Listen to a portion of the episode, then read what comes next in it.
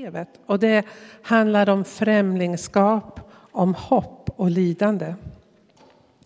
Petrus vill påminna sina läsare om det levande hoppet de fått ta del av. Som både är förankrat, som vi ser här i Kristi kors, någonting som redan har hänt i historien, Jesu Kristi död och uppståndelse. Men som också är förankrat i framtiden i himlen. Och därmed vill han ge sina läsare tröst i nuet. Upplever du främlingskap, hopplöshet, motstånd eller prövningar av olika slag, då är detta brev ett brev för dig. Vi ska läsa de första tio verserna.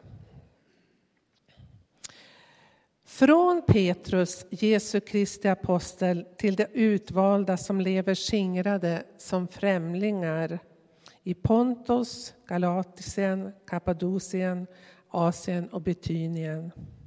Utvalda enligt Guds, vår faders plan, helgade av anden och bestämda till lydnad och rening med Jesu Kristi blod. Nåd och frid åt er i rikaste mått. Välsignad är vår Herre Jesu Kristi Gud och Fader.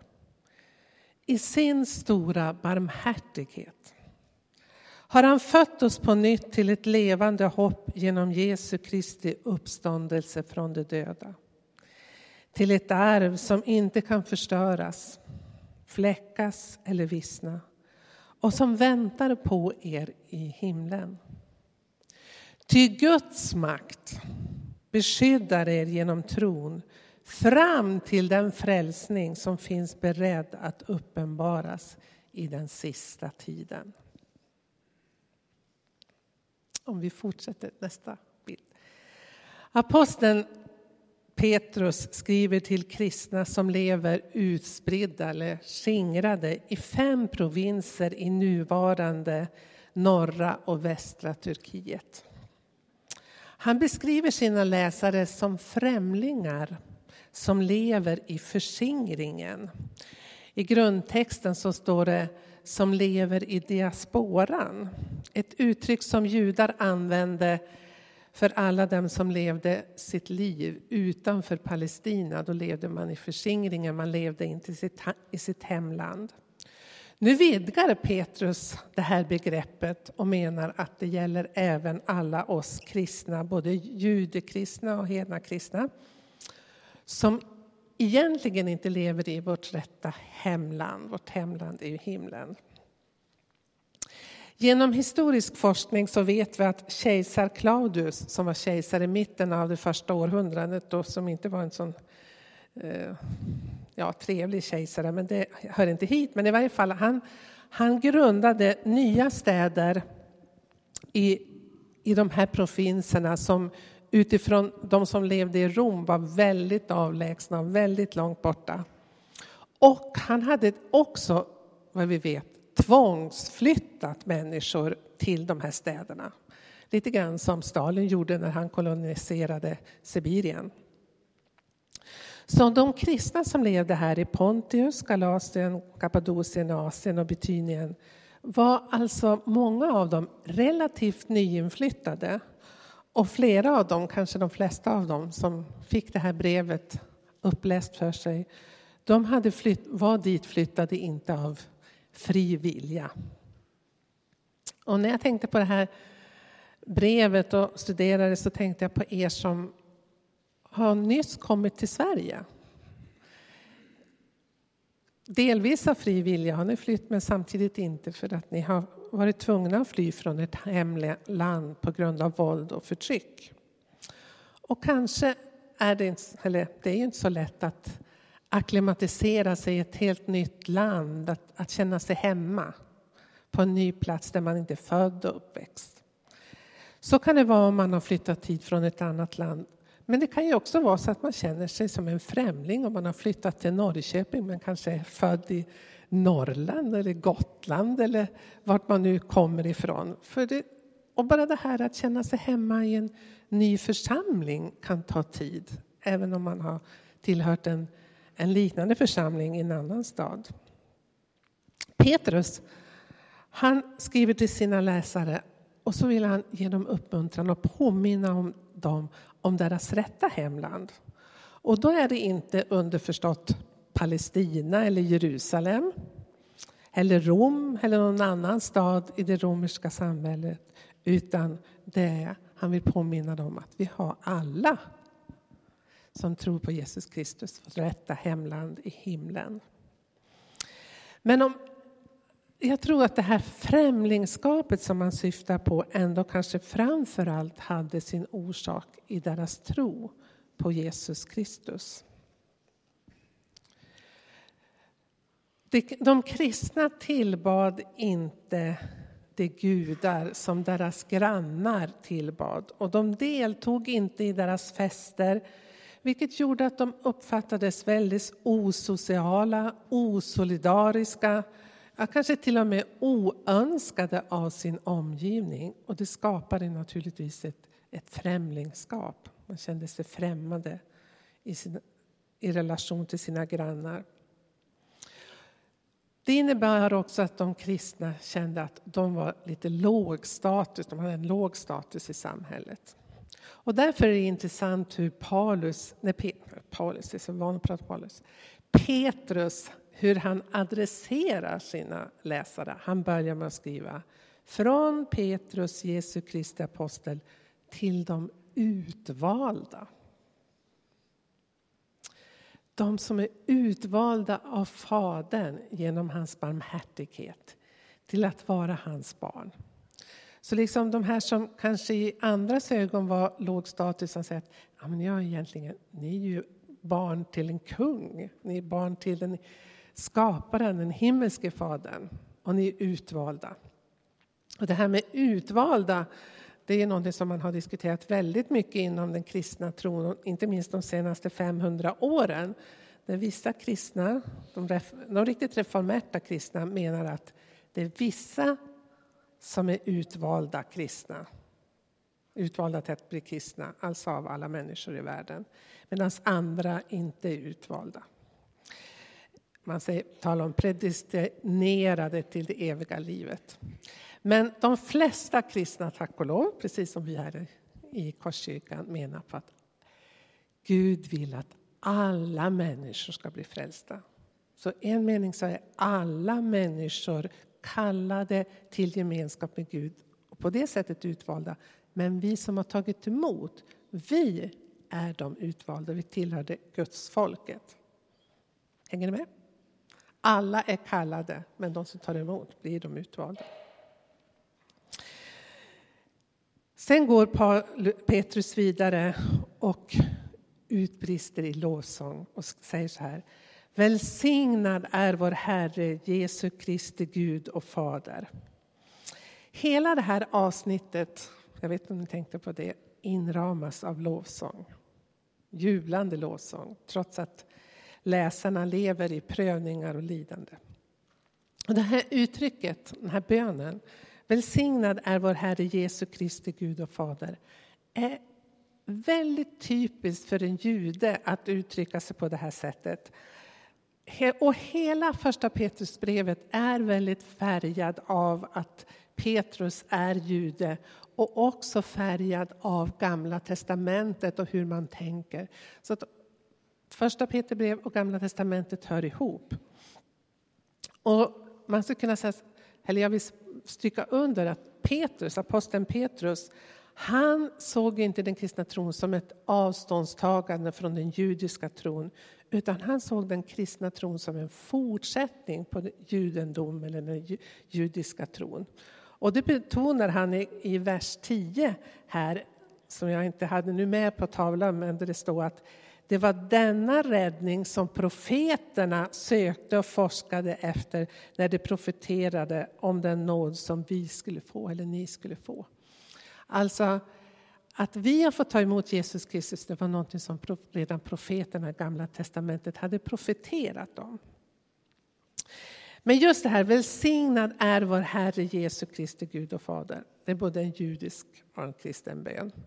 Eh, Judar än idag, de har en bordsbön som lyder så här. Välsignad är du Herre, vår Gud, världens konung, som låter bröd framgå ur jorden. Välsignad är du, Herre vår Gud.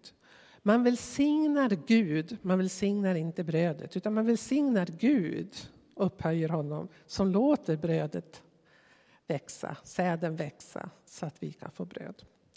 Och i den judiska påskmåltiden, så när man lyfter den andra bägaren och ska välsigna den, då säger man så här. Välsignad är du Herre, vår Gud, världens konung som befriat oss och befriar våra fäder. Petrus är jude och van att formulera sin lovsång med den här inledningen. Men nu har han mött Jesus Kristus som sin Herre och lovsjunger även honom.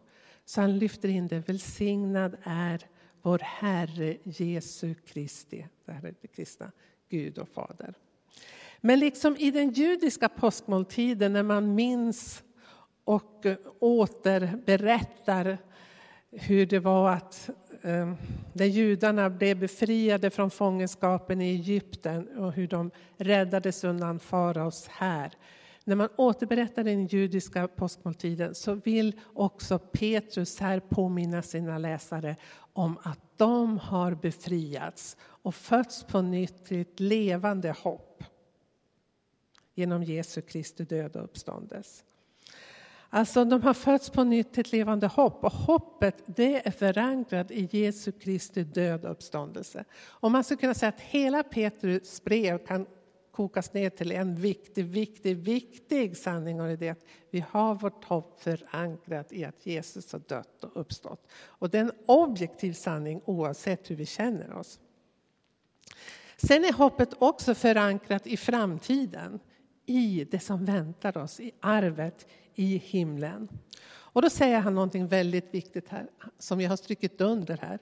Det här arvet som finns förankrat i himlen, det kan inte förstöras och inte fläckas och inte vissna. Och då kan vi ju tänka på hur det är för oss. Våra hem, allt det vi äger, allt det vi har i det här jordelivet, det kan förstöras, fläckas eller vissna. Eller hur? Och vi lever inte säkert vi heller, vi här i Sverige. Vi lever i en osäker tid. Allting kan förstöras, fläckas och vissna, och även våra kroppar. Men det arv som väntar på oss i himlen kan inte förstöras, fläckas eller vissna. Är ni med? Det är liksom nästan är värt ett litet halleluja. Eh, ja, och hur kan vi vara säkra på det?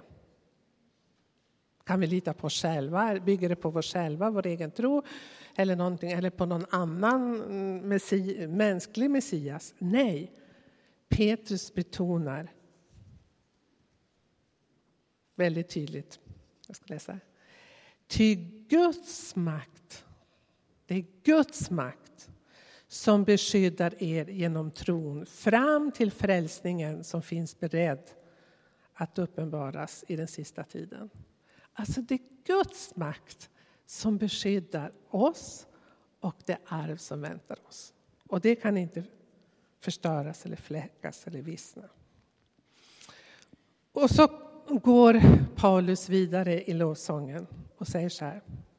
Därför kan ni jubla även om ni just nu en kort tid skulle få utstå prövningar av olika slag. Det här ordet därför syftar ju naturligtvis tillbaka till det han har sagt nyss.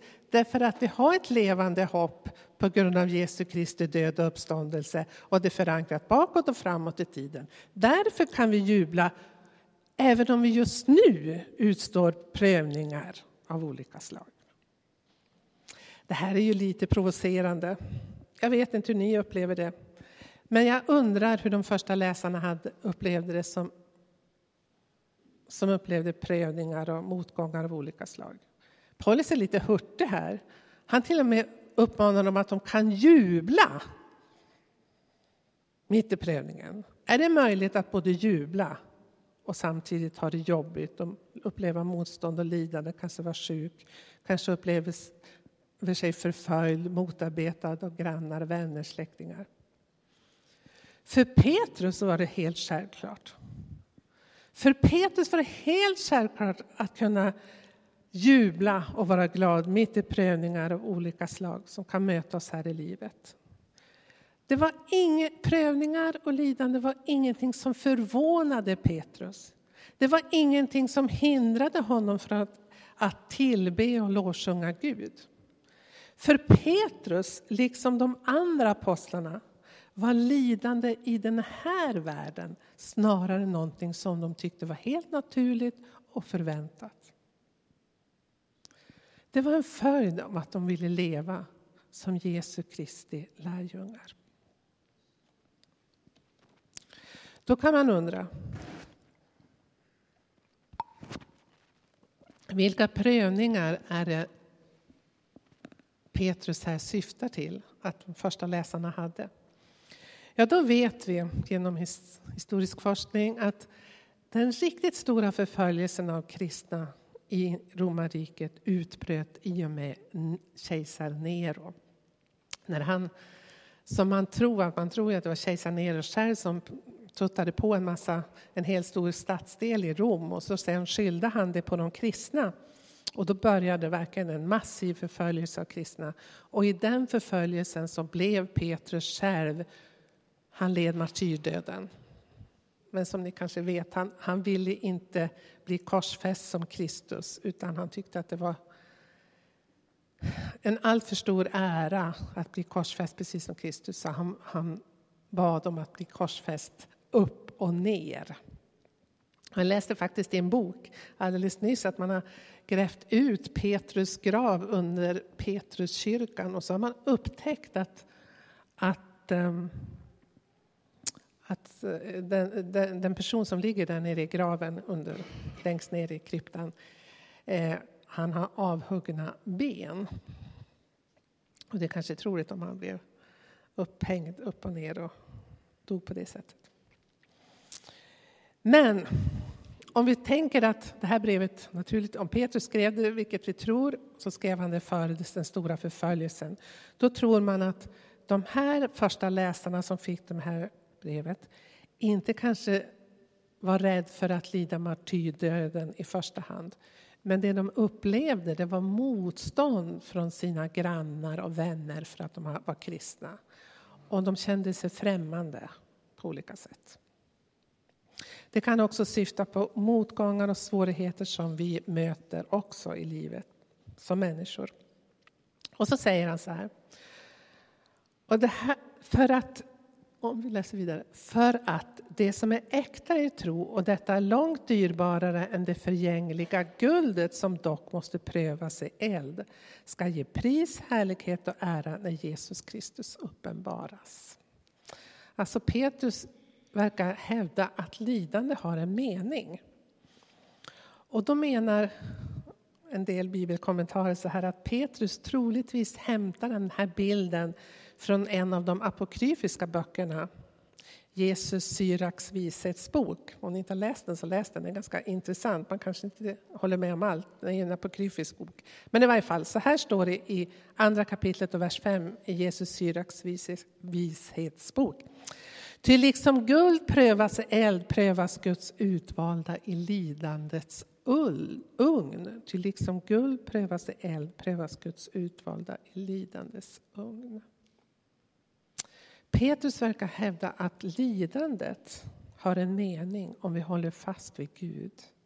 För i lidande mognar vi.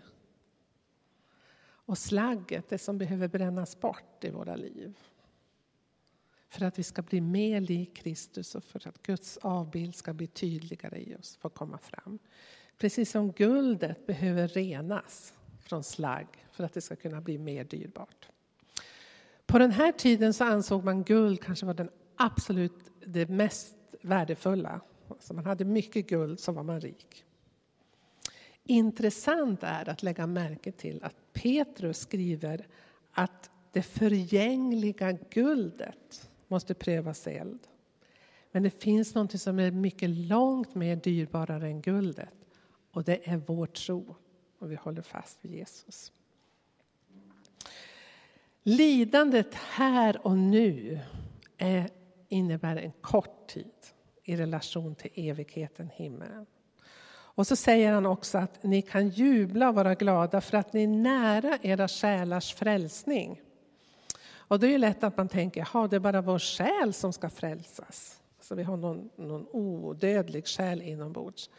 Men det, det är inte kristet att tänka så. Därför att Petrus och Nya Testamentet och de första kristna hävdade att det var hela människan som skulle frälsas. Jesus Kristus uppstod och han fick en ny kropp, visserligen en förvandlad kropp. Och precis samma sätt så bekänner vi i vår trosbekännelse att vi tror på de dödas uppståndelse. Eller som det står i den ursprungliga versionen, vi tror på köttets, kroppens uppståndelse. Så Petrus menar själen står för hela människan. Oj, det var en lång utläggning. Men i varje fall, så kommer jag till det jag ska säga på slutet här nu då. Han säger så här. Ni har inte sett honom, men älskar honom ändå. Alltså, ni har inte sett Jesus, men älskar honom ändå. Ni ser honom ännu inte, men tror på honom och kan jubla i outsäglig himmelsk glädje. Petrus, han hade vandrat med Jesus. Och han hade mött Jesus efter uppståndelsen. Men de första läsarna, de hade inte sett Jesus när han gick på jorden och de hade inte mött honom på det sättet som Petrus hade mött honom. Så därför skriver Petrus, ni har inte sett honom. Men ni tror ändå på honom och älskar honom. Jag vet inte hur det är med dig och mig. Tänk er att Petrus, ledd av den helige Ande, skriver ett budskap till dig och mig idag. Och han säger till mig, dig och mig, du kan jubla. Mitt i prövningar och lidande som du går igenom just nu. Därför att du har ett hopp att luta dig tillbaka på. Att Jesus Kristus har dött och uppstått för din skull. Och du har ett arv som väntar på dig i himlen. Och även om du inte har sett Jesus med dina fysiska ögon så kan du ändå tro på honom. Du kan få en inre förvissning om att Jesus lever. Jag har en egen erfarenhet av det och jag tror att flera av er som sitter här kan säga ja, jag känner i mitt eget hjärta, jag har en förvissning om att Jesus lever. Jag älskar honom. Men du kanske finns här som känner, nej men jag har bett och bett och bett och jag känner att Gud ändå känns så långt borta. Jag upplever inte att Gud har mött mig på det här sättet i, här, i min känsla. Jag har inte fått den här djupa förvissningen. Men jag vill tro. Finns det någon väg vidare? För dig som upplever att du en främling, att du känner dig lite hemlös. Lite utanför kanske gemenskapen i det sammanhang du befinner dig i. Tänk på att du är utvald, du tillhör Kristus. Finns det någon, något hopp för dig som känner att men Gud känns så långt borta, även om jag vill tillhöra honom? Jag tror att en väg framåt är att du vågar sätta ord på dina känslor. Först och främst att du ber till Jesus. Ber om att få komma närmare honom. Jesus själv säger att be så ska ni få, sök så ska ni finna, klappa så ska dörren öppnas. Jag tror att det är viktigt att vi säger till Jesus precis som vi känner. Gud, du känns så långt borta. I mitt lidande, i mina prövningar, jag känner det fullkomligt hopplöst. Att vi säger som det är.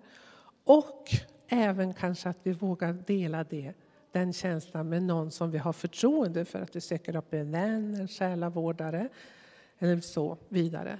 Jag tror att det är viktigt att även om vi tillhör en församling eller en kristen gemenskap och man kan tycka att det finns, ja man måste tro på ett visst sätt och man måste känna på ett visst sätt och man måste känna att man älskar Jesus och alltihop där.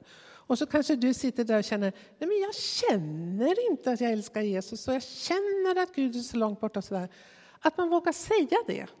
Så här är det för mig. Jag har bett och bett och bett och bett och jag tycker jag aldrig får något svar och så vidare. Att vi vågar vara ärliga, för det första mot oss själva, mot Gud, men kanske också mot någon eller några som vi har förtroende för.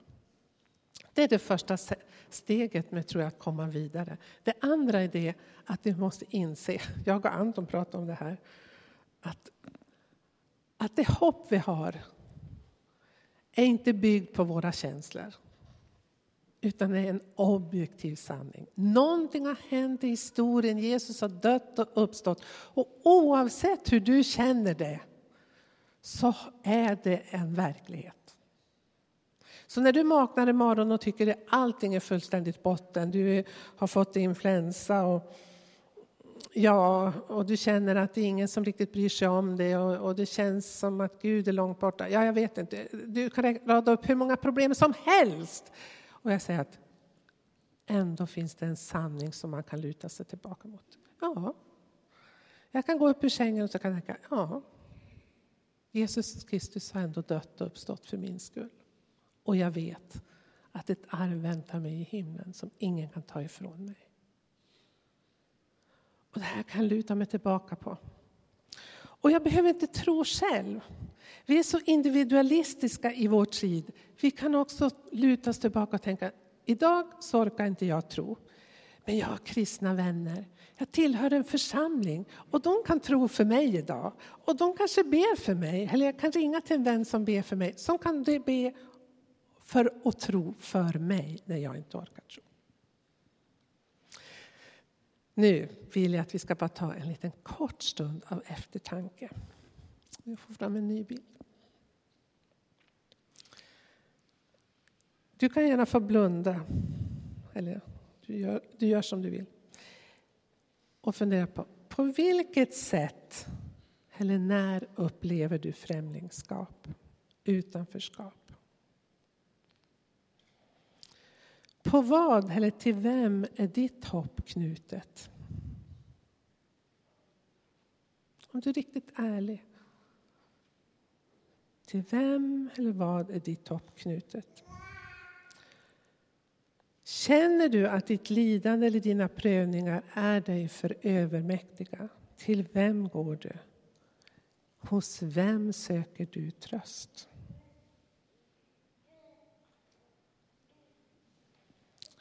Vi stillar oss i bön.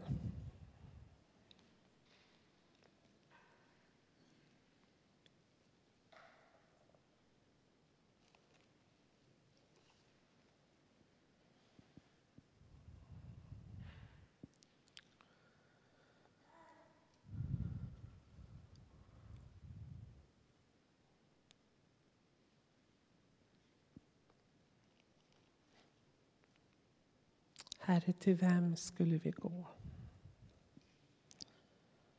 Så här står det i psalm 71. Du är mitt hopp, o Herre min Gud. Min trygghet ända från min ungdom. Från min första stund har du varit mitt stöd. Från moderlivet min styrka. Jag sjunger ständigt ditt lov. Amen.